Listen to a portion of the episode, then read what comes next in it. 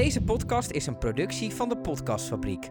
Ook een goede podcast voor jouw bedrijf? Bekijk de mogelijkheden op podcast-fabriek.nl.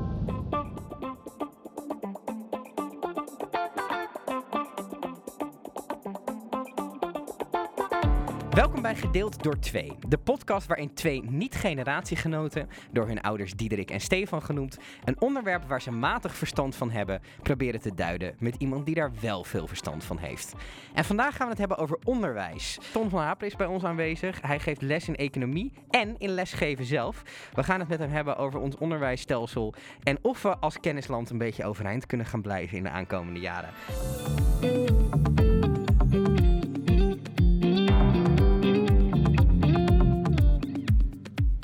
Ehm, Tom, welkom. Ja, Eh, hoi.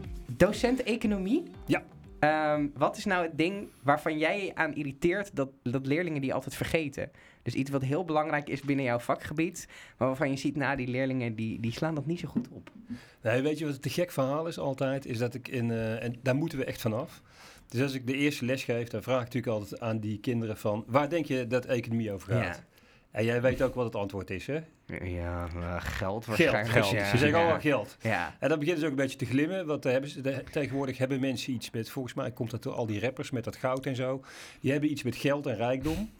en, eh, en ik zeg dan natuurlijk, nee, dat is goed, oké, het gaat over geld, maar dan gaandeweg de les probeer ik uit te leggen dat het niet zo is. Mhm. Maar als ik aan het eind van eh, bijvoorbeeld 6 VWO vraag, eh, waar gaat economie over? Mhm. Ja, dan zeggen ze weer geld. ja, Denk je maar, niet goed. heeft het nut gehad? Dus denk ik van, heeft het terwijl economie gaat over het besturen van je leven. Ja. En hoe je daarin verstandig kiest, samenwerkt, eerlijk verdeelt. Dat is waar economie over gaat.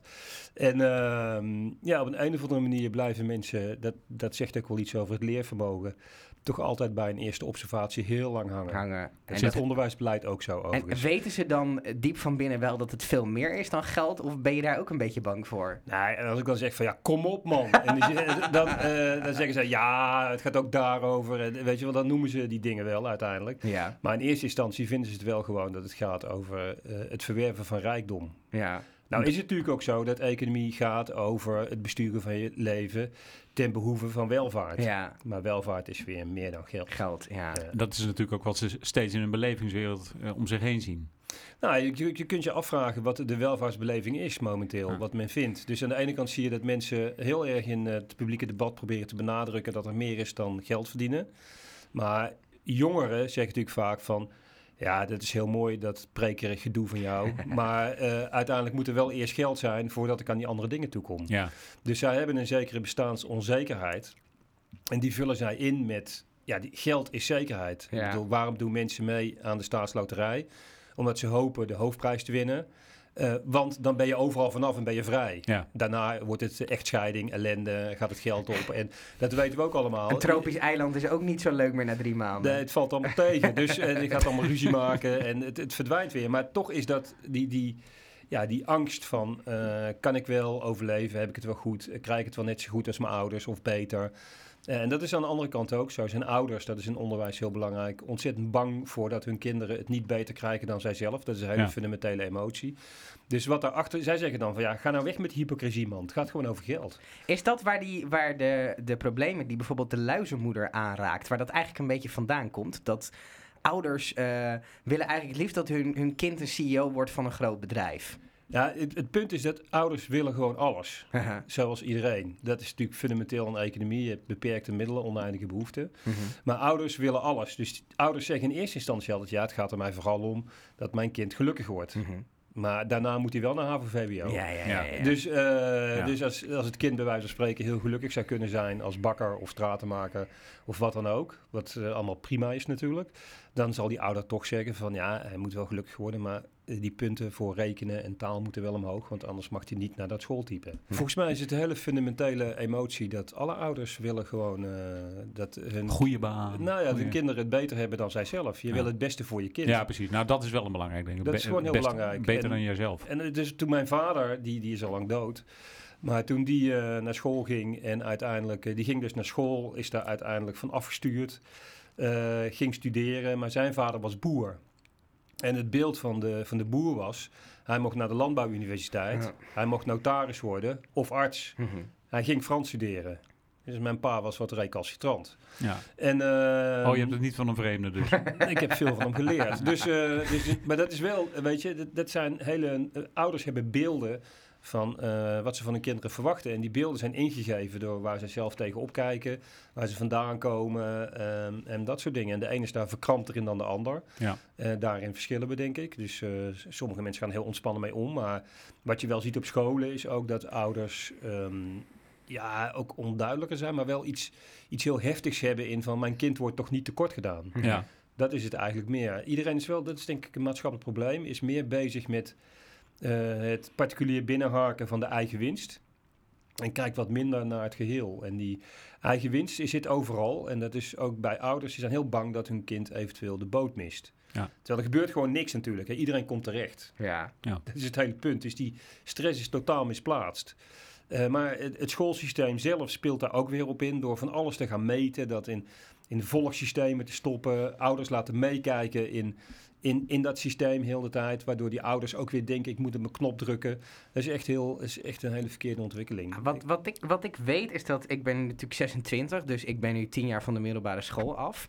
Wij kregen rond mijn derde, vierde schooljaar kregen wij dat ouders mee konden kijken in Magister. Ja, Eh, en Magister is software, daar eh, kan je als ouder cijfers zien. Dus niet één keer per drie maanden een rapport, maar eh, gewoon elke dag real-time. Op het moment dat dat cijfer wordt ingevuld, was het zichtbaar. ja. Eh, maar ook eh, bijvoorbeeld te laat briefjes, eh, spijbeluren, ehm, dat soort zaken. Nou, ik ken een aantal klasgenoten die, eh, die waren dan wat eerder thuis dan hun ouders. En dan gingen ze de post checken waar die brief van Magister, om daar toegang toe te krijgen, Mhm. dan in zou belanden. En die hebben ze zes keer weggegooid. En dan belden de ouders weer met school van... ja, ik heb die brief van Magister nog steeds niet gekregen.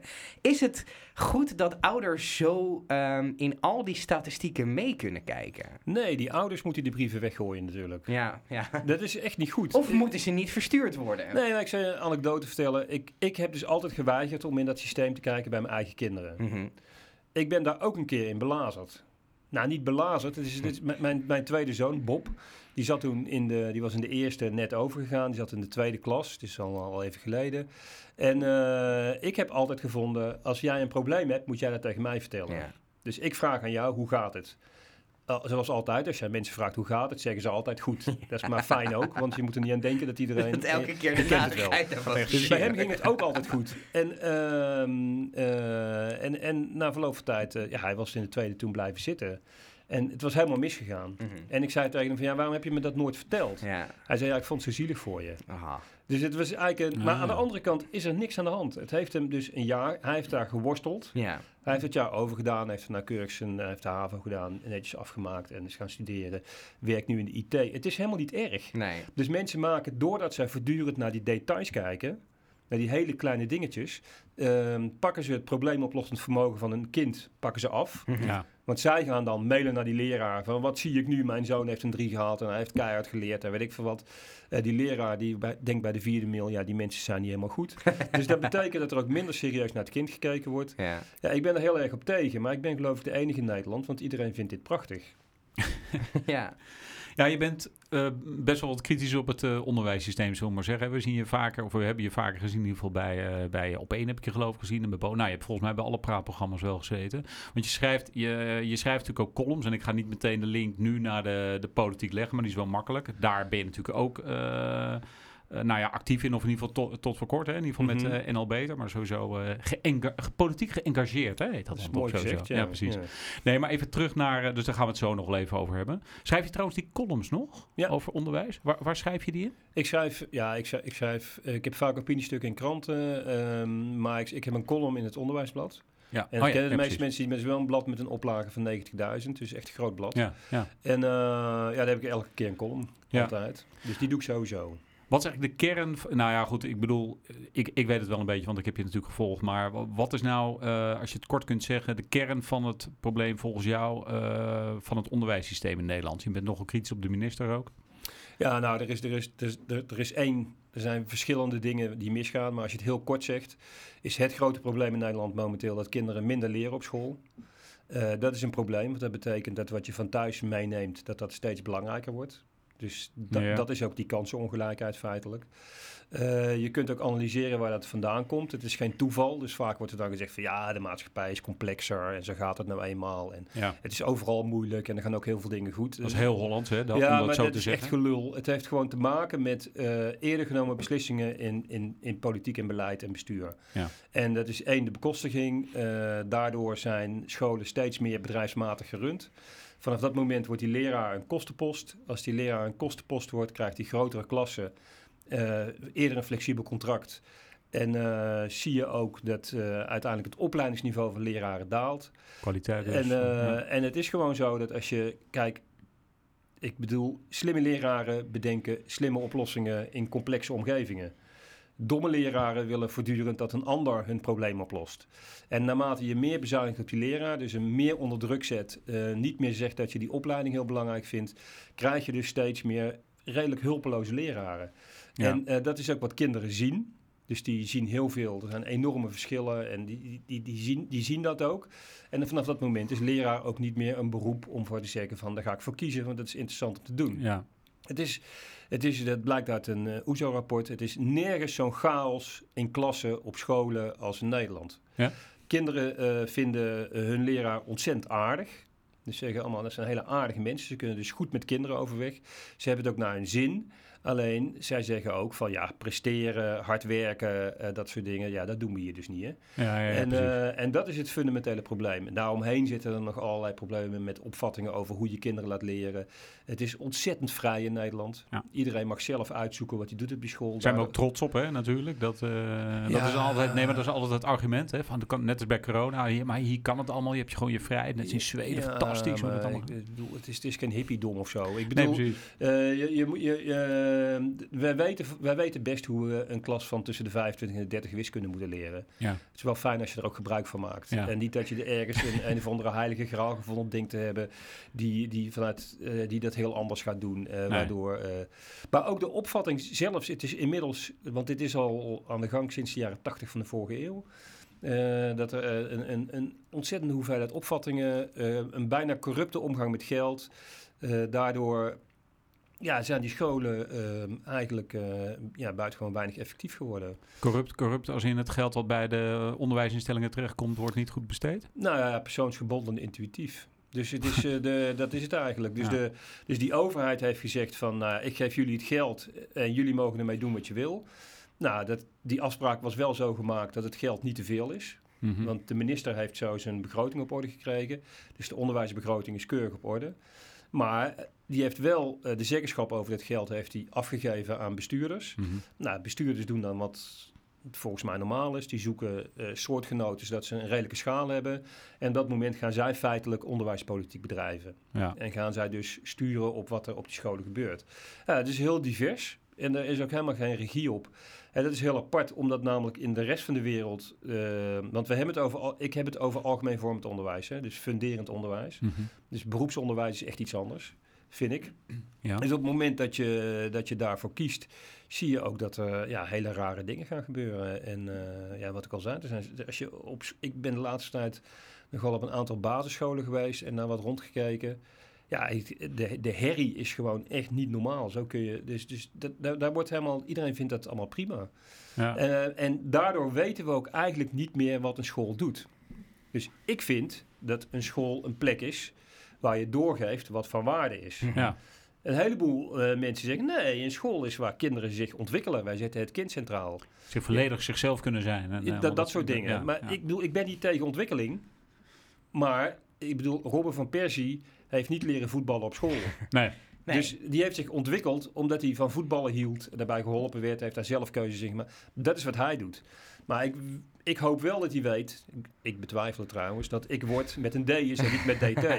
Ja. En eh, dus op school leer je, en, en natuurlijk is het zo dat kinderen zich ook daarin ontwikkelen.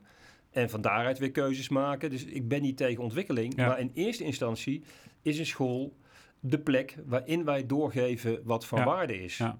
Dat is de plek waar je opgevoed wordt Daar ja, tot ge- burger. ja. Ik bedoel, je komt als vierjarige dat systeem in. Je gaat er als stemgerechtigde uit. Daar gebeurt, en dat is heel precair. Is het een beetje als met rijden, zeg maar. Je haalt je rijbewijs, dat is leuk, maar je leert pas rijden in de praktijk. Die praktijk is in dit geval dan de school of zo. Ja, nou ja, het echte leren begint. eh, dus, dus je leert op school van alles. Maar je leert ook te ontdekken van ja, Ja. waar ben ik eigenlijk goed in? En Ja. wat vind ik eigenlijk leuk? Het pad wordt ook smaller. Hè? Dus de basisschool doet alles. In de onderbouw van het voortgezet onderwijs krijg je al vakken. En eh, daarna in de bovenbouw eh, doe je de vakken die bij jou passen. Ja. En daarna ga je naar eh, een beroep, het beroepsonderwijs of een universiteit. En dus je legt daar een soort van basis van. Je moet ook met alles kennis maken, weet je wel. Dus, je, dus Ja. je kunt zeggen van ja, ik wil helemaal niet. Er zijn scholen die zeggen van ja, nee, maar wacht even, we gaan niet doorgeven wat van waarde is. Maar wij gaan laten het kind leren vanuit zijn eigen belangstelling. Ja, ik, ik bedoel, en dat, die opvatting zie je op. Er zijn bestuurders in het, eh, in, in het eh, basisonderwijs. Die willen gewoon van de leerplicht af.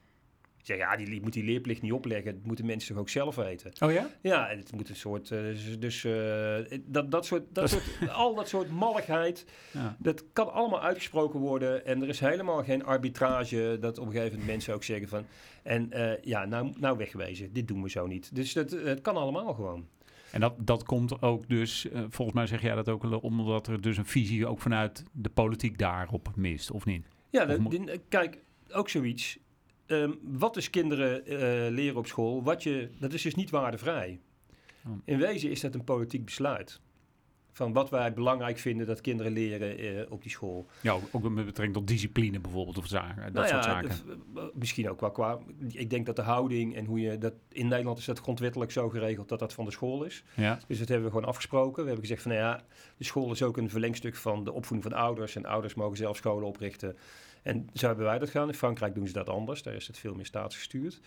Die nuance die wil ik er dan nog even buiten laten. Maar hoe dan ook, is het van ons allemaal. Mhm. Kijk, algemeen vormend onderwijs is geen onzin. Ik bedoel, dat bepaalt uiteindelijk eh, de, eh, in de eerste plaats een economisch belang. Het bepaalt natuurlijk de verdiencapaciteit. Ja. Er zijn allerlei onderzoeken geweest die aantonen dat als het onderwijs beter is, dat het nationaal product omhoog gaat.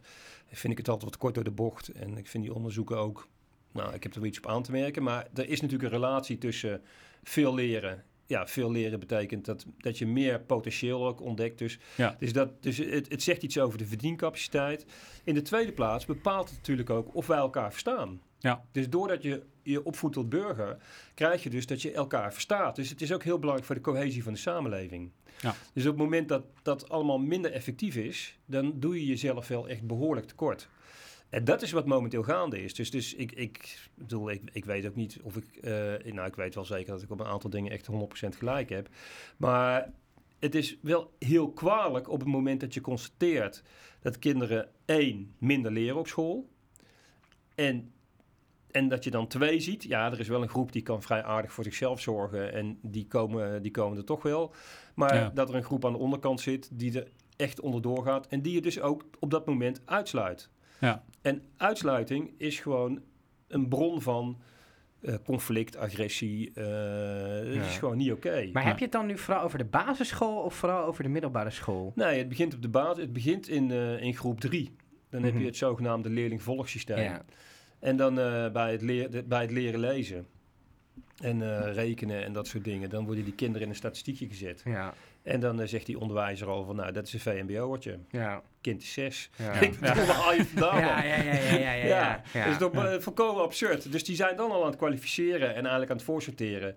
En ook de politiek die dat vertaalt van ja, je moet die brugklas wat breder maken en zo. Dat is allemaal bullshit, man. Het begint als ze zes zijn. Ja, wordt het al een beetje voorgesorteerd. Nou, voorgesorteerd, het is al geregeld. Maar het is ook voor een kind, eh, kan het je heel... Dat, dat is mijn probleem altijd met die verdeling geweest. Terwijl ik heb daar ook de oplossing niet van. Maar je stopt mensen al vrij vroeg in een soort hokje. ja, Eh, en daar komt ook heel veel onzekerheid bij kijken. Ja, van, absoluut. Voor, voor kinderen zelf. ja, absoluut. Omdat je, dus, omdat je er zelf een redrace van maakt, een prestatie. Ja, Nou, er is natuurlijk helemaal niks mis met. Ik bedoel, eh, ik heb drie kinderen. Er zijn er, eh, eh, er zijn er twee die zijn gewoon een- naar het VMBO gegaan toen ze twaalf waren. Mhm. Die waren nog wat losgeslagen en hadden er gewoon totaal geen trek in. Mhm. En eh, je hebt gewoon, de ene is naar de universiteit gegaan en de andere die maakt nou de school voor journalistiek af. Ik Ja. bedoel, eh, dus, maar omdat daar zo heel eh, verkrampt en overdreven over gedaan wordt, dat is een cultuurkwestie. Mhm. Omdat men steeds meer het in statistieken is gaan stoppen, het gaan vertalen als van hij doet het goed, hij niet. Ja. Krijg je dat je een, eh, een compleet verkeerde mindset krijgt. Maar er zitten wel wat tegenstellingen. Want je zegt dus in het begin, dus het is een red race, want je wordt meteen in hokjes gedrukt, et cetera. En daarna, eh, maar daarna zeg je ook, het wordt juist te vrijgelaten. Ja, maar dat, dat is, ja, maar dat is het criminele in het verhaal. Dus te- nee, maar dat meen ik echt. Want de verantwoordelijkheid voor waar je terecht komt, wordt bij de ouders en het kind gelegd. En Ja, niet bij de instelling. Ja, Dus, die, eh, dus, dus, dus om het nou even nog, nog eh, extremer neer te zetten. Dus je zet zo'n kind in groep 3. Dus er zitten kinderen die van thuis uit minder meenemen. eh, kinderen die van thuis uit heel, erop. heel veel meenemen. Die laat je in een hoop herrie wat eh, van alles zelf ontdekken. Mhm. En dan zeg je, ja, daar hebben we, die is VWO en die is... eh, dat is heel anders dan de leraar die zegt... eh, ik neem die kinderen een jaar mee... en ik ga ze dat doorgeven wat van waarde is... en ik zorg ervoor dat aan het eind van het jaar iedereen dat ook kan en weet. Ja. En die ene die er misschien uitvalt, dan moet ik eens mee praten van hoe zit Ja, dat? precies. Ja. En dat is echt een hele andere opvatting. En dat, dat doe ik dit ene jaar. En volgend jaar heeft hij weer een nieuwe kans. En dan beginnen we weer opnieuw. Ja, precies. en precies. en, en dat, is, dat systeem is veel... Dat is wel fair. exact. En dit is van, eh, nou jongens, eh, ga maar aan de gang en ik leg het uit en oefen maar, en weet ik veel. En, en doe maar zelf heel veel oefeningetjes. En dan pik ik wel eruit. en dan wat, eh, eh, kijk ik van, bij, ja. toen eh, die corona inkikte en dat thuis leren op die basisscholen, was, kwam heel vaak voor dat zijn onderwijzer een half uur dan via, de, via het beeldscherm wat, wat les gaf. En daarna zei, ga maar oefeningen maken, heel de Oh ja. dag. Ja. ja, er zit er eentje met maat ernaast, die maakt al die oefeningen. En een heleboel kinderen die, die op 60 vierkante meter wonen met, met zeven mensen, die deden natuurlijk helemaal niks. Nee. Nou ja, Ja, in ja. wezen is, en toen zei iedereen, oh dat komt door corona. Nee, Ja. zo is het altijd. Ja, exact, exact ja. Ja. ja. Ja, precies. zo is het echt altijd. Ja, ja, ja, ja, Dus ja. nou denken mensen al, oh in het afstandsonderwijs, oh dat vergroot de kansenongelijkheid. Nee, dat doet het gewoon onderwijs ook. Ja, Ja. ja. Doe het, precies heeft, hetzelfde. het heeft gewoon wat meer begeleiding nodig, zullen we maar zeggen. Nee, ja. je, ja, je moet iemand Ja. echt iets Ja, leren. precies. Ja. je, je moet gewoon iemand echt iets leren en daarin meenemen. En daar ook strikt en streng in zijn. Ja. En Ja. rechtvaardig. Ja. En je verdiepen in waarom dat kind dat wel kan en niet kan. En dat niet bij dat kind zelf leggen. Je, je haalde net Frankrijk er even bij. Dat heeft een heel ander schoolsysteem, zeg Ja. je. Eh, wat zijn de verschillen en wat kunnen wij van hun leren? ja, of van andere landen. Of andere landen? Ja, Frankrijk is wel heel, is wel heel duidelijk, vind ik. Eh, dus, dus, dus Frankrijk heeft een vrij... Nou, even voor de om misverstand te voorkomen. Frankrijk heeft niet echt het geweldige onderwijs. Hè? Mhm. Dus dat is, eh, daar valt ook van alles op aan te merken. Maar wat we wel van hun kunnen leren is dat eh, de minister van Onderwijs gewoon verantwoordelijk is voor de kwaliteit van leraren, het curriculum en de scholen. Mhm. Dus die is daar ook op aanspreekbaar. Dus als daar iets misgaat, dan kun je ook tegen die minister zeggen, dit heb je niet goed gedaan. Dat kun je hier ook wel doen, maar ja, die zegt van, dat is mijn zaak niet. Ja, Maar ja. welk land is voor jou het grote voorbeeld? Of welk systeem? Ja, vind ik heel, het- dus, dus heel flauw, maar Estland dus, doet het, Nou ja, doet het gewoon heel ja. erg goed. En eh, Finland heeft het een tijd heel erg goed gedaan, is nou wat minder. Maar dat, dat model van Finland snap ik wel. Dus inzetten op hoogopgeleide leraren bijvoorbeeld. Hm. Eh, verder eh, het geld centraal aangestuurd. Iedereen weet ook wat kinderen leren in welke klas. Is in Nederland niet zo, hè? Dus niemand kan jou uitleggen wat het verschil is tussen twee VWO en twee MAVO, hè? Mhm. Niemand weet dat. Het is gewoon afhankelijk zo, van ja? de mensen die... Ja. Ja. Ja, er zijn 56 kerndoelen. Ja. Daar is het hele programma van klas 1, 2 en 3 van alle schooltypen. Ik heb, Ah. Mijn docent Nederlands zei ooit... wat je eh, in één VWO leert Nederlands... is hetzelfde als in één HAVO. Het is alleen iets moeilijker uitgelegd. ja, ja, ja, nou ja, dat is wel een vrij verhullend taalgebruik. ja, dat, dat zegt het wel. Ja, Ja, dat dat, zou zo klopt kunnen. wel. Maar het is echt, niemand weet het. Dus, dus, dus het is heel raar. En eh, het enige wat we hebben is een centraal eindexamen. En daar komt alles dan samen, want iedereen maakt hetzelfde eindexamen. Ja, daar maakt iedereen hetzelfde examen. Ja. Ja, precies.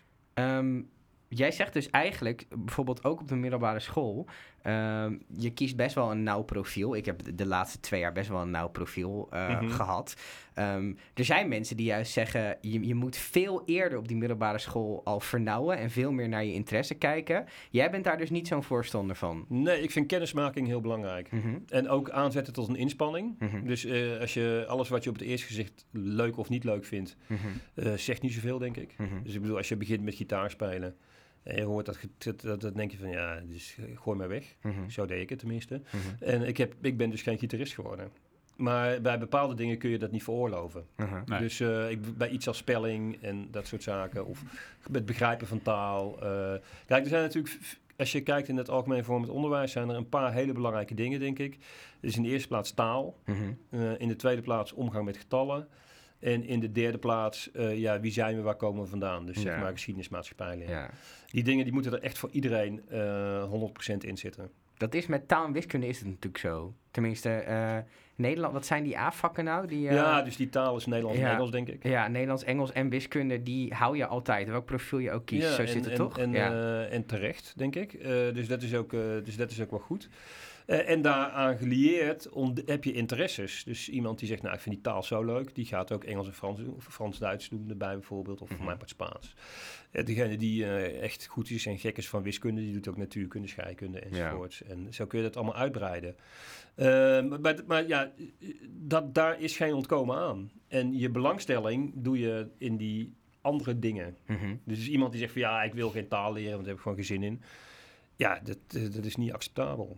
Is het ook, je zit natuurlijk ook op met een leeftijd, tenminste, als ik dan zelf terugkijk naar toen ik 16 was en in Mhm. 4, 5 HAVO zat. Ik had eigenlijk geen idee wat ik wilde met mijn leven en met Nee, mezelf. daarom juist.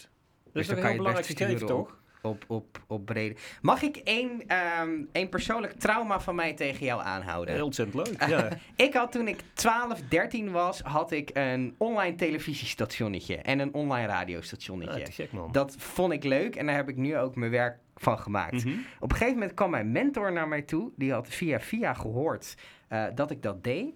En die zei tegen mij... Misschien kan je daar beter mee stoppen, want je huiswerk zou daar wel eens onder kunnen lijden. Nou, eh, die mentor vergist zich natuurlijk. nee, want dat, dat, dat is precies... Ik kan daar nog steeds kwaad om worden. Ja, en terecht. Want het gaat er dus om dat ook school maar een beperkt beslag op je legt. Ja. Dus je ziet nu dat eh, doordat het men- eh, we het zo ingewikkeld gemaakt hebben... dat ik tegenwoordig les moet geven op het negende uur. Dat is kinderen dus om kwart over acht binnenkomen en om vijf uur weggaan. Ja. Ja, dat is natuurlijk verschrikkelijk. Zo, ja. Ja. Het is Ja. maar school. Ja. Je moet het niet groter maken dan Dan dat het is. Je moet daarnaast juist, het is heel belangrijk dat je buiten die school tijd hebt om de dingen te doen die jij gewoon heel leuk vindt, waar je in kan leren. Dus Ja. Voetballen, tennissen, radiostation beginnen, Ja. een mooi boek lezen, filmpjes maken, eh, gewoon op de bank hangen. Ja. Eh, ontdekken wat je doet als je jong bent. Ik ben de, de roes, de liefde, de snelheid, de, Ja. De mooie dingen van het leven. Ja. Ja. Daar moet je wel degelijk ruimte voor hebben. Maar juist omdat die school steeds meer taken op zich genomen heeft. Ja. En ook meer van de dag in beslag neemt. En ook meer eisen stelt aan kinderen, zogenaamd. Terwijl het geen echte eisen zijn. Want de afrekening vindt amper plaats. Mhm. Eh, krijg je dus dat, dat het eigen initiatief eh, bij die kinderen vaak gedoofd wordt. En dat is heel slecht.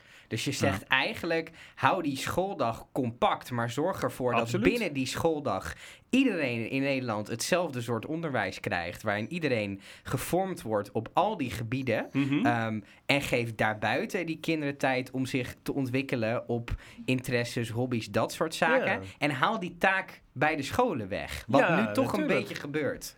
Nou ja, dat is natuurlijk het erge. Die school die denkt dat hij allemaal allerlei taken op zich heeft. Maar die mensen willen dat vaak helemaal niet. Nee. Dus dat de, eh, Ja. ieder- iedereen onderschrijft. Als ik zeg van ja, maar als je nou kijkt naar taal, eh, getallen, wie we zijn en waar we vandaan komen. Zeg je, nou ja, dus inderdaad, het zou wel goed zijn als we daar allemaal wat in zouden leren. Ja. Nu blijkt dus dat we daar steeds minder in leren. Mhm. Dan zegt ook iedereen van, dat is heel erg. Mhm. Dus, dus een voorbeeld, eh 20 jaar geleden kon 10% van de 15-jarigen slecht lezen. Mhm. Het is nu 25%. Ja. Dus het wordt niet beter, maar slechter. Ja. En niet een beetje ook. Ja. Er is laatst onderzoek geweest, daar bleek uit dat de meeste kinderen van eh 15 jaar het woord democratie niet snappen. Mhm. En daar ook eens bij, ja, democratie, wat moet dat? Ja. Weet je wel, dat betekent dus dat je het fundament van onze samenleving, de rechtsstaat, dat je daar echt geen idee van hebt. Dat zijn de dingen die je moet leren op school. Ja. Nou, je moet daarnaast natuurlijk ook vrij zijn om eh, dingen te ontdekken, te proberen, te doen. Of eens juist even helemaal niks te doen. Of eh, dat soort zaken. Ja. En verder is een school, eh, ik bedoel, je kunt allerlei faciliteiten bedenken en leuke dingen. En wat sporten en debatclub. En, dat is allemaal prima. Mhm. Maar het gaat uiteindelijk om die kern. Om die basis, ja. Wat ik altijd nog vind missen op, eh, op eh, scholen. Volgens mij zijn er wel basisscholen, maar dat weet jij precies natuurlijk, Ton, die dat steeds wel meer doen. Maar gewoon ge- eh, kennis over eigen lichaam en geest. Gewoon hoe met ook hoe voeding, gezondheid, hoe je, eh, ja, geest is misschien wat ver, maar in ieder geval met, wat heeft bepaalde voeding voor impact op je of, en, en sporten. Ja, en, natuurlijk. dat Maar soort dat- dat is- je ja, ik denk dat je het wat breder moet zien. Er zijn, er zijn dus de vraag is dan hoe je leert. Dus er zijn, eh, er zijn nou eenmaal maatschappelijke kwesties. Dus gezondheid, preventie, dat soort zaken. Ja. Ehm, maar ook eh, omgaan met media. Ehm, wat mij verbaast is bijvoorbeeld, dat wat, wat ik echt heel apart vind, is dat eh, eh, er op school ontzettend weinig eh, gepraat wordt over porno. Dus, terwijl al die Ja. kinderen die kijken daarnaar en Ja. daar wordt, niemand zegt daar iets over. ja, Ik, nou, een soort groot echt- taboe is dat. Nee, ja. maar vind je echt absurd Ja. dat we het daar niet Ja. over hebben. Nee. Ik bedoel, je krijgt een totaal, eh, wat mij betreft, een to- maar misschien zie ik het verkeerd, maar als je daarna gaat kijken heel de dag en die mannetjes doen dat dus allemaal, ja, eh, krijg je een totaal verbro- verwrongen beeld van seksualiteit. ja, Mhm. absoluut. Maar dat ja. zijn allemaal grote maatschappelijke kwesties. Ja. Eh, Ik, ik, ga, ik ga geen porno doseren, los van het feit dat het mijn baan kost. Maar, eh, dus, eh, maar- Porno doseren klinkt ook wel... eh, ja, nee, dat- ja. dat, dat, dat moeten we niet doen. Dus, Nee. eh, dus, maar, maar ik vind wel dat je binnen jouw vak, dus je leert een vak. Een vak heeft een kenobject, het gaat ergens over en een vakaanpak. En binnen een vak horen al die zaken, die maatschappelijke Ja. kwesties aan de orde te komen. Ja. Ja. In het politieke debat zie je het tegenovergestelde. Dan zeggen ze van ja, er is een maatschappelijke kwestie Mhm. en daar moeten we een vak van maken. Maar dat is niet zo. Dat is niet handig, we krijgen Nee. ontzettend veel vakken. Ja, En hoe meer het versnippert, hoe minder je leert. ja. Dus het is juist belangrijk dat je een aantal uren les hebt van een docent. Die zegt, ik leer je een vak. En natuurlijk kijk ik ook naar eh, Ja. allerlei andere kwesties. ja, precies. Maar het is bijvoorbeeld maatschappijleer is een vak waar best wel veel van dit soort kwesties in zouden eh, kunnen terechtkomen. Maar ik heb dat één jaar volgens mij één uur per week Nee, gehad of in zo. elk vak natuurlijk. Ja, Ja, precies. Ik bedoel, eh, in, in, in, in, elk, eh, in elk vak kun je, kun je over deze dingen praten. Hoor je over deze dingen. bijvoorbeeld ook makkelijk. Ja, Ja. Nee, inderdaad. Dus, ja, ja. het is echt eh, alleen eh, wat je krijgt is dat je hebt eh, de hoogleraar van Oostrom heeft dat, dat is gezegd. Dat heeft te maken met het opleidingsniveau van leraren. Daardoor eh, volgen ze heel netjes alleen de methode. Mhm. Ja. Nou, die boeken die moeten allemaal eh, tien jaar meegaan. Dus die hebben maatschappelijke kwesties van tien Ja. jaar geleden. Ja. En, eh, die, en die had het over eh, de dunne leraar met de dikke boeken. En het is natuurlijk zo dat die leraar zelf, eh, los van het feit dat hij vak geeft, die ook generalist moet zijn en belangstelling moet hebben wat er in de samenleving Ja. leeft. En van daaruit ook maatschappelijke kwesties agendeert en in zijn les behandelt. Durven, die, durven die docenten niet binnen het systeem zoals het is? Is het gewoon van dat als je eh, nou ja, te veel daaraan toevoegt waarvan je denkt dat het belangrijk is dat het systeem dat afstraft? Nou ja, wat het systeem gedaan heeft, is omdat die kinderen steeds minder leren op school, hebben ze een reflex van, dan gaan wij steeds meer regelen. Mhm. Dus eh, bijvoorbeeld studiewijzers. Ik neem aan dat je dat nog wel herkent. Ja, uit- ja, eh, zeker. Er staat dan in beschreven wat je welke week moet doen, eh, Ja. welke paragraaf en dat soort. Ja, die studiewijzer moet je als eerste uit het raam flikkeren natuurlijk. Ik deed een Montessori-ding, dus de studiewijzer, Ja. wat bij ons Ik heilig. ken dat helemaal niet, joh, maar dat werd gewoon voorgeschreven. Dan wordt er opgeschreven Ja. van deze week doen we dit. Er zijn Ja. die paragrafen, die opgaven. Die, En dat dus- moest dan afgetekend worden in zo'n boekje. Ja. Ja. Dus die leraar die denkt dan van, oh, dan moet dat allemaal gedaan zijn. Maar dat is natuurlijk geen manier van lesgeven. Ja. Ja. Nou, maar dat is het hele voorgestructureerde leren. Dat, dat, dat werkt. Je moet ook gewoon over een eh, maatschappelijke kwestie eh, kunnen beginnen. En dan zeggen van, eh, en nou zullen we het daar eens over hebben. Dus op het moment dat de minister naar een lobbybaan gaat... is dat een onderwerp om te zeggen van waarom vinden wij dit maatschappelijk onwenselijk? Ja. En waarom is dit economisch ineffectief? Ja. Ik bedoel, daar kun je vanuit verschillende vakken kun je daar naar kijken. Benieuwd wat Slop gaat doen. Ja, die wordt eh, vast eh, voorzitter van een, een of andere eh, onderwijsraad of zo. Of eh, die parkeren ze weer wel ergens, want dat gaat hier in Nederland heel erg goed. Wat mag ik, ehm, eh, heel, want heel kort, eh, je was natuurlijk, of ja, je bent, was, bent verbonden aan LBT. Kunnen we het daarover hebben of Ja, niet? Kort? tuurlijk. Ja. Ja, ik bedoel, ik hoef daar niet in de diepte te gaan, maar ik wilde even de stap naar, eh, ik vond het wel een fantastische brug naar de politiek. Nee, ehm, kun je daar nog even iets meer over vertellen? Want dat, daar stond je op de, op de lijst of staat? Wat is de huidige Ja, dus ik situatie? heb meegedaan met Tweede Kamerverkiezingen. Ja. Eh, lijsttrekker was Esther van Venema. Ik stond nummer twee. Oh ja, En ja. ehm, ik vond dat we een fantastisch programma hadden, maar de kiezer dacht daar anders over. Dus eh, het ging eigenlijk vooral over eh, ja, de publieke sector. Eh, dat wij vinden dat die zowel bij gezondheidszorg als in het onderwijs buitengewoon slecht beheerd wordt. Eigenlijk zijn het allemaal toch wel... Ja, Nederland is per definitie, dat er is al een boek in de jaren 60 over verschenen van Leipart, is een, een, een regente democratie. Dat zijn we altijd geweest. Ja. Dus dat is op zich eh, niet zo bijzonder. Maar in de jaren 90 is dat wel heel sterk doorgezet met eh, grote autonomie van instellingen. Toch een soort van verzelfstandiging, privatisering, Ja. eh, waardoor er heel veel aandacht is voor sturing en grote gedachten en concepten. En weinig aandacht is voor uitvoering. Ja. En je ziet daardoor ook veel frustratie bij de uitvoerders, artsen, verplegers en leraren. En, ehm, en wij hadden een heel, vind ik nog steeds, sterk programma om dat eh, accent juist te leggen op de uitvoering. En terug te gaan naar van, Ja. wat is nou de kern en hoe zit dat? Eh, Bij de gezondheidszorg hadden we er ook nog heel duidelijk, eh, want Janneke Wittekoek zat erbij, dat is een cardioloog die heel erg veel bezig is met preventie. Oh, ja. Dus wij hadden ook een, eh, dat, dat, dat het, het ja, in de gezondheidszorg het model toch is dat je verdient aan ziekte en niet aan gezondheid. Ja. Ja. En, eh, en dat dat eigenlijk andersom zou moeten zijn en dat je meer zou moeten doen aan preventie. Ja. Nou, dat was ons punt. Dus we willen gewoon een sterkere publieke, publieke sector en eh, met name daar. En dat hebben we geprobeerd. En eh, ja, eigenlijk toch wel, ik moet eerlijk zeggen, ik ben over het algemeen gewend dat als ik iets doe, dat het ook lukt. Dus ehm, ja, tot mijn verbazing eh, eh, waren we helemaal kansloos. En zeker als ik zie wat er dan. Want het is echt een probleem. Ja. Maar het blijkt dus dat artsen blijven gewoon VVD stemmen. leraren blijven D66 GroenLinks stemmen. En de verpleging schijnt SP en PVV te stemmen. Ja, daar zijn wij dus niet doorheen. Wij, wij zijn niet in staat geweest om onze boodschap zo te vertellen eh, ehm, dat eh, mensen dat ook snapten en dachten van daar moeten we op stemmen. Ja. En eh, ja, dat is helaas misgegaan. En ik denk dat we nodig gemist worden, want er komt een nieuw kabinet aan. En wat ik tot nu toe... Ja, dat kabinet komt er nou dus niet, maar dat wat nu... Ooit? Ja, dat, dat wat nu Er opgeschreven- komt ooit een, ko- Er een komt- kabinet. er komt ja. ooit een keer een In kabinet. de komende jaren. En die gaan gewoon doen wat er dus al opgeschreven is Ja. in dat verhaal. Ja. En, Ja. en wat daar over onderwijs, eh, wat ik ervan gehoord heb, indirect. Eh, dat is Ja. echt, het, dat maakt alles alleen maar erger. Maar ga, ga je door? Of, wat, wat, of heb je andere plannen? Of, eh, Nou, of kun je iets zeggen? Of- Ik, eh, de, de mensen waar ik mee gewerkt heb in NLB, dat vond echt hele fijne mensen. Dus ehm, goede opvattingen ook. Dus ja, je moet geld hebben gewoon. Ja. ja. Dat is Was, echt was dat het issue dan ook? Of, eh? Nou, wij hadden best wel eh, sterke mediapersoonlijkheden. Allemaal mensen die eh, en in de krant staan, op tv komen enzovoort. Ja. Maar dat, eh, dan word je als persoon gezien. Maar als je dat wil koppelen aan je politieke boodschap, dan krijg je in de media gewoon echt problemen. Dus dat lukte niet. ja. En eh, ja, als je bijvoorbeeld Joost Eertmans, ja 21, ik heb echt geen idee waar ze voor staan. Ja, ze hebben iets Nee. met buitenlanders volgens mij. Of ja, iets tegen dan. Dat is dan het enige wat ik eigenlijk weet. En eh, voor de rest weet ik helemaal niet. Maar hij waar zit die wel voor- overal. Ja. Maar die zat in elk reclameblok. Ja. Ja. En, eh, Ja. en, en zo heeft hij drie zetels opgehaald. Ja. En een sentiment natuurlijk aan die, aan die kant van... eh, ik wil niet op Baudet stemmen. Ja. Of, eh, dat is dan... eh, Ja. Dus wat ontevreden mensen die daar terechtkomen. Nee, die zichtbaarheid is cruciaal. Nou, ik denk overigens dat deze podcast jou wel vier zetels oplevert. Ja. hoor. Ja, ik maak, Dus ik maak me ook geen zorgen meer. Als er nu verkiezingen komen, dan eh, gaat het heel hard. Nou ja, je weet misschien dat ze over een paar maanden al zijn. Dus wat dat betreft... Precies, die eh, kunnen zomaar, ja. eh, kan hard gaan, denk ik. Ja. Nee, die zichtbaarheid is natuurlijk wel een groot ding. Dat is natuurlijk ook Nee, onder maar- andere... ja, dus wij waren als persoon wel zichtbaar, maar niet als partij. Nee, dat, precies. Dat was, dat was ons ding. Ja, Dus, dat is eh, denk ik ook tot nu toe de, als je het mij vraagt, altijd, tenminste is een beetje een stokpaardje voor mij, de grote redding ook van, of ja, redding, en dat heeft wel nog, zit nog wat dieper in de maatschappij, maar van Rutte geweest natuurlijk, grote zichtbaarheid ook rondom Ja. de coronabonus, zullen we Ja. zeggen, en dergelijke. Ja, Ja, maar ik dat moet eerlijk zeggen, dat, ik snap daar niks van.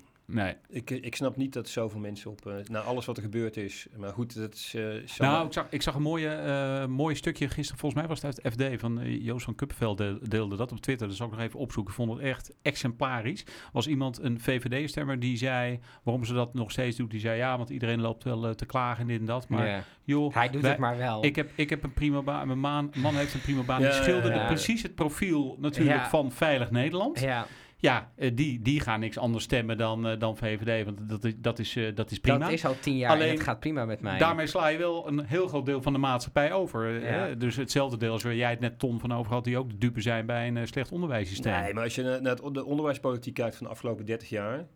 Die heeft echt gewoon, wat ik zei, voortgebracht dat kinderen minder leren op school. Dat leraren ontevreden zijn en ook weggaan. Ja. Eh, er wordt voortdurend gepraat over lerarentekort. Er is getalsmatig geen lerarentekort. Hè? Nee. Er zijn 200.000 leraren tegenover 2 miljoen kinderen. Ja. Alleen een heleboel van die mensen doen andere dingen. Mhm. Dus, die geven geen, dus men vindt kennelijk lesgeven geen prioriteit. ja. Dus het is een verhouding van 1 op 10. Hè? Maar die zijn met eh, verantwoording bezig. Of, eh, Staat hij dan niet op de loonlijst of zo? Of wat? ja, die, Zijn staan, die, zijn, die, die, zijn, die zijn in dienst van schoolbesturen. Maar ze geven geen les. Maar ze geven geen les. Ja, omdat we alles moeten verantwoorden. Bizar. Omdat we en andere dingen doen. Ja, Dit is, het is allemaal in oplosbaar. de zorg natuurlijk hetzelfde Ja. probleem. Hè? Dat, je, dat je hoort van ja, er is ook veel minder mankracht door al die managementlagen. Alles wat opgeschreven en gerapporteerd moet Ja. worden. En eh, dat, dat probleem. Dat was, ons, dat was natuurlijk ons programma. Wij zeiden van ja, laat die 200.000 mensen eerst die kinderen eens goed lesgeven. Ja. Ja. En daarna zien we wel verder. Dan kunnen we nog wel eens wat verantwoorden en andere Ja. dingen doen. Maar het is, het is echt, het, zijn allemaal, het is allemaal het gevolg van, van keuzes. En eh, die kunnen ook anders. Maar als mensen dat niet snappen, dan, eh, ja, dan, dan kun je zeggen, ja, je schiet tekort, want je legt het niet goed uit. Ehm, of mensen hebben er gewoon geen trek in. Er is ook een zekere eh, zelfgenoegzaamheid en decadentie, denk ik, in onze samenleving. Dat men iets heeft van dit is voor altijd en vanzelfsprekend.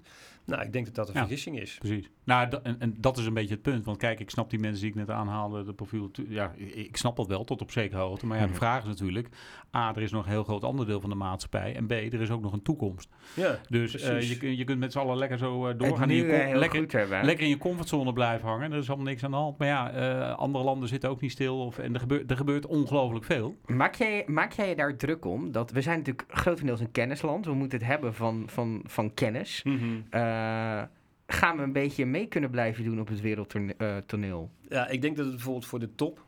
Dus zeg maar, de, er blijven altijd goede studenten, eh, mensen die ook zelf gestuurd en door afkomst een heel eind komen. Ik denk dat dat geen probleem is. Eh, wat ik een veel groter probleem is, is dat we elkaar uiteindelijk ook in de verdeling van de welvaart niet meer begrijpen en het ook niet meer aan elkaar kunnen uitleggen. Mhm. En dat het dan, eh, ja, dat dat wel de wortel is van alle ontevredenheid. En, eh, Ja. en uiteindelijk ook, kijk, politici, dat is natuurlijk de top van de ijsberg. Maar daaronder zitten heel veel opvattingen, waarden en normen die we met z'n allen delen. Ja. ja, als je daar met elkaar niet meer over praat en het niet meer van elkaar begrijpt, dan wordt het moeilijker om dingen uit te leggen. Mhm. Kijk, ik, ik zie, eh, dus, dus bijvoorbeeld wat, wat het gisteren op tv was, dan zie je de minister-president en die zegt, ja jongens, ik moet nu weg. Terwijl die net een formatie heeft afgebroken. Ja, dat is nogal iets. Ik bedoel... Dan komt er ook gewoon mee weg allemaal. en, eh, en dat kan, ja. er Ja. komt natuurlijk een moment dat mensen daar iets mee hebben van, ik snap dit niet meer. En, en dat zie je eh, op heel veel plekken, dat mensen het niet meer begrijpen vaak. En dat, dat komt omdat het slecht is uitgelegd, slecht is uitge- eh, ja, aangeleerd. De cohesie in de samenleving vind ik misschien nog wel belangrijker dan die verdiencapaciteit. Omdat ik denk dat eh, je heel snel dingen kan leren. En ehm, ja, het enige wat je kan zeggen is dat je een stuk van het potentieel niet benut. Mhm. Dus je werkt onder je capaciteit. Ja, En het werken onder je capaciteit wordt wel steeds groter naarmate je meer mensen uitsluit. ja. Dat is wel een probleem. Maar in het andere stuk wat wel meedoet, wat er wel zeg maar doorkomt, blijf je waarschijnlijk wel redelijk voorop lopen. Maar je moet wel een bereid, kijk, je- er, er moet een bereidheid zijn tot hard werken ook. En dat is binnen die scholen eh, vrij lastig, terwijl iedereen wel klaagt over de werkdruk. Maar ehm, kinderen moeten ook op school leren werken. Ik zal je een voorbeeld geven. Ik sprak een hoogleraar en die, eh, had, ehm, die had een tijd lesgegeven eh, in Amerika op een, eh, een Ivy League eh, universiteit. Mhm. En ik zei, wat is nou het, het wezenlijke verschil tussen eh, studenten in Amerika en, en hier? En zij zei toen van ja, weet je, op zich hebben die Amerikanen op school ook niet zoveel geleerd. maar eh, die weten wel dat ze moeten werken. Ja, Al Ja. is het maar omdat ze 10.000 dollars per jaar moeten betalen om Ja. mee te mogen doen. ja. Maar die snappen wel dat ze hun stukken gelezen moeten hebben als Ja. ze bij mij op college komen. En ik kan ze gewoon wegsturen als het niet zo is. Ja. Dat is in Nederland onmogelijk. Het is allemaal Veel alles meer self-starting zijn ze daar. Dus, en, eh, eh, en, en, Ze moeten daar ook meer. Ja. Het is natuurlijk, het, er zijn een hoop nadelen aan heel veel dingen in het Amerikaanse systeem, maar je gaat er wel door rennen. Ja. Dus Nee, maar bijvoorbeeld, de- eh, bijvoorbeeld eh, eh, eh, falen, dat is een mooi ondernemers- en innovatieprincipe. Falen, hè, dat je dat als eh, falen, je moet het eigenlijk niet eens al falen noemen, maar goed, prima. Dat is, eh, zie dat als een kans om te leren, et cetera. Maar dat zit veel meer in dat Amerikaanse systeem. Dus als je naar ondernemen kijkt, als je naar een keer failliet gaat, is het eigenlijk top. Ben je een Ja. held. Als je in Nederland failliet gaat, dan eh, word je aangekeken. bank, is er geen bank word- meer die word- een lening word jij uit de geven? vriendengroep geflikkerd? Ja. Ja. Weet je wat, dat is echt, Ja. nee, maar dat is echt een grote. Dus die, qua cultuur is dat ook al een heel verschil. En wat ik altijd ook in Nederland heel opvallend vind, is dat dus zoveel mensen het maar best vinden. Kijk, ik snap wel dat niet iedereen elke dag, eh, moet je ook vooral niet doen, elke dag op Twitter duiken en columns gaan schrijven en eh, zich kwaad maken. Dat is ook niet goed voor je gezondheid. Maar Zeg jij het hoe- eigen hoeveel- ervaring? ja, nee, daarom. Dus, dus dat, maar dat, dat, dat snap ik, dat, je dat, niet kon, dat niet iedereen dat wil of continu doet. Ik bedoel, dat do- probeer ik ook nog wel een beetje te doseren, ook al zou je dat niet zeggen. Maar ehm, nee, maar vooral dat mensen het dan altijd allemaal maar wel best vinden. Ja, ach ja, maar ja, een beetje rut en dit. Maar ja, goed, weet je, zo slecht hebben we het toch ook niet, weet je wel. Nou ja, maar dat is de essentie. Dat is ook de, de one-liner van eh Arie Slop. Die vindt ook altijd, er gaat ook heel veel goed. Exact. Maar er gaat steeds minder goed, er gaat steeds meer verkeerd. En eh, je moet het op een gegeven moment benoemen en de urgentie aangeven en de behoefte ook eh, proberen. Ja, je hebt gewoon een soort creatieve destructie nodig. Dat je uiteindelijk zegt van, met een aantal dingen moeten we ook ophouden. Je moet er niet telkens, er komt telkens iets bij. Ook geld trouwens hoor, er komt telkens geld bij in het Ja. onderwijs. Het levert gewoon geen kloot op. Er is geen enkel rendement, je ziet er niks van terug. Ik bedoel, hoe kan het nou dat je de miljarden na miljarden na miljarden inpompt en dan uiteindelijk zegt van, ja, er gaat ook heel veel goed. Het laatste is dat met die achterstanden is 8,5 miljard euro voor vrijgemaakt. Hè? Ja. Het, volgens mij hebben mensen niet door, maar dit is waanzinnig veel geld. ja. Ja. We weten nog niet eens wat die achterstanden zijn. Ja. En of ze er wel zijn Ja. en waar ze zijn. Er zijn landen met een begroting van eh, die omvang. ja. nee, maar serieus. Ja, nee, maar het is dus echt Dus, eh, het is bizar. En het wordt er gewoon in twee jaar wordt het erin gepompt. Ja. En ik zie allerlei commerciële bureaus die weer op die scholen afrennen van... oh, ik kan je daar mee helpen, kan je daar... Ja. Het wordt ook allemaal opgemaakt, reken maar. En er gaat geen kind meer door leren. Nee, nee.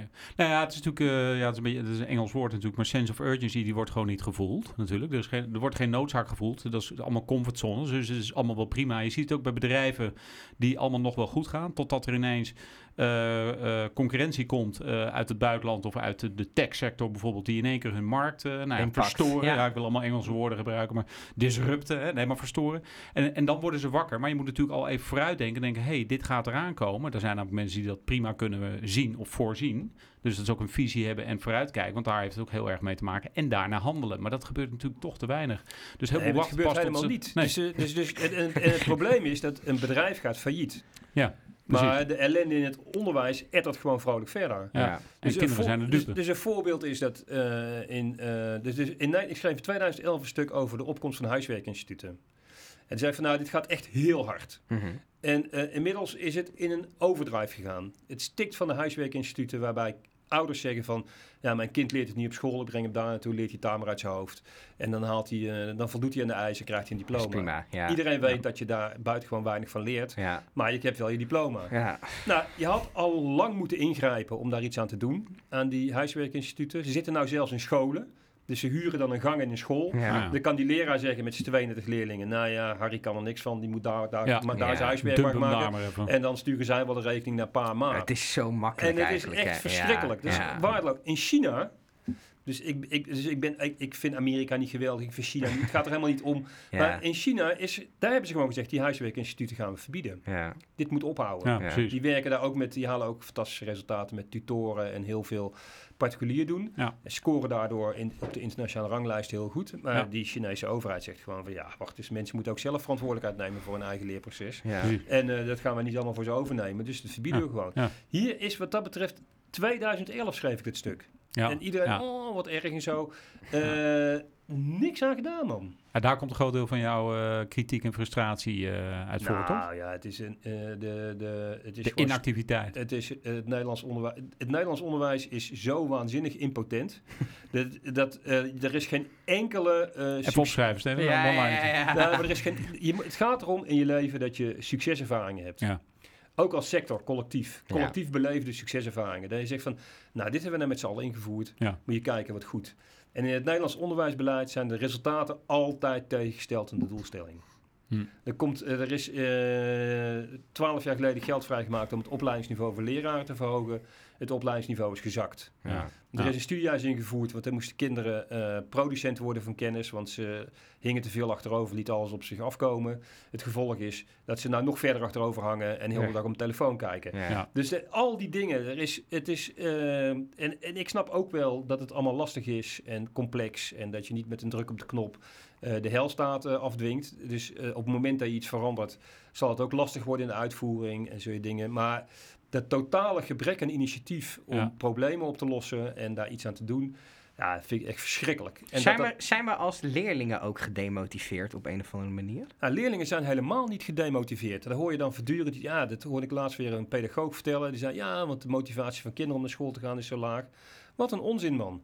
Die kinderen die gaan gewoon naar school en die, die, die eh, gaan daar zitten en die hebben een leven voor zich. Ja, Dus die moeten heel veel dingen voor de eerste keer nog meemaken. ja, En die zijn daar ontzettend nieuwsgierig naar. ja. ja. Alle lekker appelkoeken bij de kantine. Dat deed ik vroeger wel. ja. Nee, maar die, die zijn gewoon op ontdekkingstocht. Ja, dus die die, vinden van, ik natuurlijk ook eens- interessant. Ik, ik ga eens kijken wat hier gebeurt. En die staan ontzettend open voor iemand die zegt van... Hé, hey, hier moeten we het zo over hebben en ik kan je wat leren. ja. Dus die kinderen zijn heel erg gemotiveerd. Alleen eh, als ze inderdaad eh pa en ma die voortdurend op magister zitten te kijken... leraren die het alleen maar hebben over toetjes en niet over wat je leert... en je moet van het eerste tot en met negen uur naar school...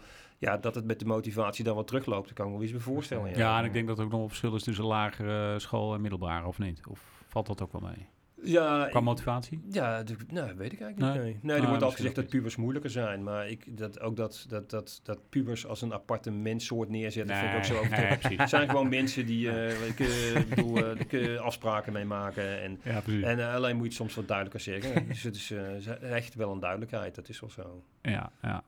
Ja, ik vind nog, nog eh, wel grappig dat er wordt vaak eh, eh, de link of de, de- het vergelijk gemaakt met bedrijfsleven. Dus ook over, over de, de overheid, politiek. Ik las ook nog van Wim Voermans in het NRC gisteren, geloof ik. Ik heb, ik, op Twitter heb ik ook even op gereageerd. Totaal niet mee eens. Zegt, ja, het gaat nu net als in de, in, in de boardrooms bij bedrijven. Hè. Dus dat ging dan even over van Nieuwenhuizen die dan nu naar Mhm. zo'n lobbyclub ging. Dat haakt een beetje aan op wat je net ook over de overheid zegt. Maar ja, Tuurlijk zijn er corporate boardrooms waar het zo gaat, maar in de meeste boardrooms, als jij op deze manier eh, je bedrijf runt, precies Nee, wat jij net zegt, dan ben, je, dan ben je na jaar, nou ja, niet na een jaar, maar dan ben je na een paar jaar, paar jaar failliet. Bovendien, daar, daar wordt wel degelijk veel meer en harder natuurlijk gestuurd op doelstellingen en ook gezorgd dat die behaald worden. En als ze niet behaald worden, zitten daar consequenties aan. En niet altijd, dat, is, dat weet ik ook wel, maar dat per definitie dan de CEO wordt ontslagen of de CMO of whoever. Nee, maar wat je Maar- nou zegt is een belangrijk. Dus wat wij gedaan hebben in het onderwijs, is dat we dat model Ja, hebben we gelegd op, eh, op het onderwijs. Ja. Met grote school, schoolbesturen. Ik heb zelfs een bestuurder meegemaakt die zei dat die zichzelf ook CEO wilde noemen. ja, Eh, eh, kom op man, het is gewoon onderwijs. Dus, eh, dus, dus het, het is helemaal geen bedrijf. nee, Maar dan los daarvan, als je dat dan zo graag wil, zullen we dan ook even afrekenen alsjeblieft. exact. En dat gebeurt dus niet. Nee, dus die gasten precies. die noemen zichzelf maatschappelijk ondernemer. Ja. Ondernemen met belastinggeld, ja dat wil ik ook Ja. wel. Dus, eh, dus, dus- maar die noemen ja. zichzelf maatschappelijk ondernemer. En ehm, elk risico, eh, serieus? dat Dat- wijven ze gewoon, ja, die wijven ze gewoon weg. En dan zeggen ze van ja, de maatschappij is zo complex. Dat is het enige antwoord wat ze hebben. Dus je presteert steeds slechter. Van 10 naar 25 procent slechtlezende. Wat zegt de gemiddelde onderwijsbestuurder? Ja, daar kan ik niks aan doen. Is de maatschappelijke ontwikkeling. Ja. Nee, maar, maar en in een bedrijf zit er ook nog een eh, laagje boven. Er zit nog een raad van commissarissen die ook Ja. nog eens een keer tot Ja, de orde maar roept. die hebben ze ook. Maar die, Ja, eh, maar die, snappen acteert er niet ook- op die manier. Nee, maar dat, nee, maar het is echt onvoorstelbaar. Dus, dus eh, ze, zij doen echt grote bedrijven na. En eh, dus ze hebben heel die, die pracht en praal. ja, Ze hebben op een gegeven moment ook hele hoge salarissen gehad. Dat is dan wel begrensd. Ja. Maar die zaten ergens in, eh, tenminste voor onderwijsmensen, in 2,5 ton. zo. ja. En eh, Lekker. een auto met chauffeur en de hele shit eromheen. en, eh, en, en uiteindelijk eh, begint men wel te beseffen van ja, dat is een beetje raar. Maar het stikt van de lui die zo een, een school besturen. ja, Waarom? Wij weten gewoon, dat kun je gewoon nationaal. Dit is wat kinderen moeten leren. Ja. Daar hebben we die leraren bij nodig en die betalen we dat. Dat kun je gewoon vanuit Den Haag regelen. ja. Zo moeilijk Ja. is. Heb je helemaal Nee. die gasten niet, eh, in die, al die Nee. kantoren helemaal niet voor nodig. Nee, wat je al zegt, als je het dan al zo doet, wat natuurlijk waanzin is, maar dat, het- dat terzijde, dan eh, reken dan ook eh, even af op die ja. manier. Ja, inderdaad. precies. Hè, zoals je het in het bedrijfsleven doet. Nou maar ja, dat, dat en- verschil. Maar ook als je kritiek hebt, dus ik heb nogal eens kritiek op die mensen, is het enige antwoord van ja, het is wel makkelijk hè, roepen langs de zijlijn. Ja, ja, oh ja. En dan is mijn antwoord natuurlijk altijd van ja, hoeveel leerlingen heb jij eigenlijk verwerkt in je Ja, carrière? exact. Hoeveel, Ja. Wat heb jij eigenlijk gezien van? ja, Maar dat betekent dus dat, dat die hele communicatie ook totaal onvruchtbaar is. ja, Het precies. is, het- je, precies. je komt in het wij-zij-denken terecht. Terwijl Ja, het, dat- zijn, het zijn helemaal geen slechte mensen. Die doen ook hun best. En binnen Nee, de structuur nemen ze logische beslissingen. Ja, ja. Maar leraren kiezen ook voor hun eigen winst. Dus die trekken zich ook terug. En, eh, en iedereen... jij, jij bent dan notabene ook gewoon nog inderdaad al jarenlang leraar. Dus dat, maar dat terzijde, er zijn nou eenmaal mensen die vanaf de zijlijn soms iets... eh tuurlijk, er zijn ook mensen die makkelijk roepen vanaf de zijlijn. Maar neem nou Van Gaal. Dat was niet de aller, allerbeste voetballer. Hij was, hij was goed, maar niet, het was geen Messi. Ik denk dat hè? daar zelf anders over denkt. Nee, nee, nee, nee, Maar hij is, hij is een toptrainer. En daar Ja, scha- ja. schaart hij zichzelf wel tussen, Ja. tussen Cruijff en eh, noem maar op. En terecht, denk ik. Maar, Het is een ehm, rare vogel, maar het is een goede Nee, trainer. Maar, maar ja. Dus eh, je hoeft helemaal niet altijd de- beste in de, in de operatie. Ja, jij bent dat natuurlijk wel, Ton. Je bent een fantastische leraar. Maar daarnaast kun je ook nog heel goed dan dingen van... je helemaal niet. Nee, maar ga ik, er- ga ik natuurlijk vanuit. Top.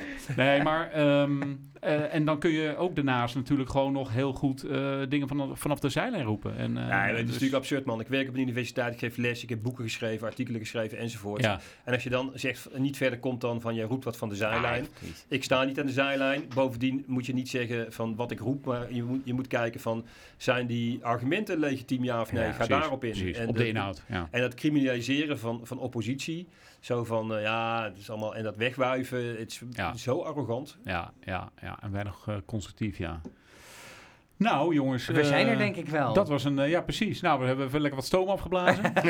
nee, nou, ik We hebben geen boksbal meer nodig Nee, vandaag. precies. Nee, superleuk. Ja, nee, ja, je ziet, er is, een, er is een hoop. Hier kunnen we volgens mij nog wel drie uitzendingen over maken of meer. Maar uh, we gaan je vast nou, maar het is wel een, het is een ontzettend complex probleem. Ja. Omdat Ja. heel veel in Ja. elkaar grijpt. Dus dat is het... eh, Maar het zou mooi zijn als er wat stappen gezet worden. Als er eh, misschien een soort van mindsetverandering komt van we moeten dit anders aan gaan nou, pakken. gewoon een gevoel van urgentie. ja, gevoel van urgentie. Er moet echt Ja. er moet een nationaal moment komen waarbij Ja. we met z'n allen zeggen, we gaan het anders We gaan hier wat aan doen. Ja. En, en, Ja. je- en jullie moeten echt door in welke vorm dan ook, eh, of, en met wie dan ook, met eh NL Beter. Eh, daar is volgens mij echt behoefte aan. Maar ja, er moet, er moet gewoon eh, crowdfunding, denk ik. En eh, hoop geld erbij, campagne voeren en eh, gaan met die bananen. Ik denk dat er een hele hoop eh, behoefte aan is, ja. Ik denk dat we op zich wel, ja, wat ik al zei, het verhaal is goed. De mensen Ja. zijn goed. eh, je moet het alleen nog even gecommuniceerd krijgen. Ja.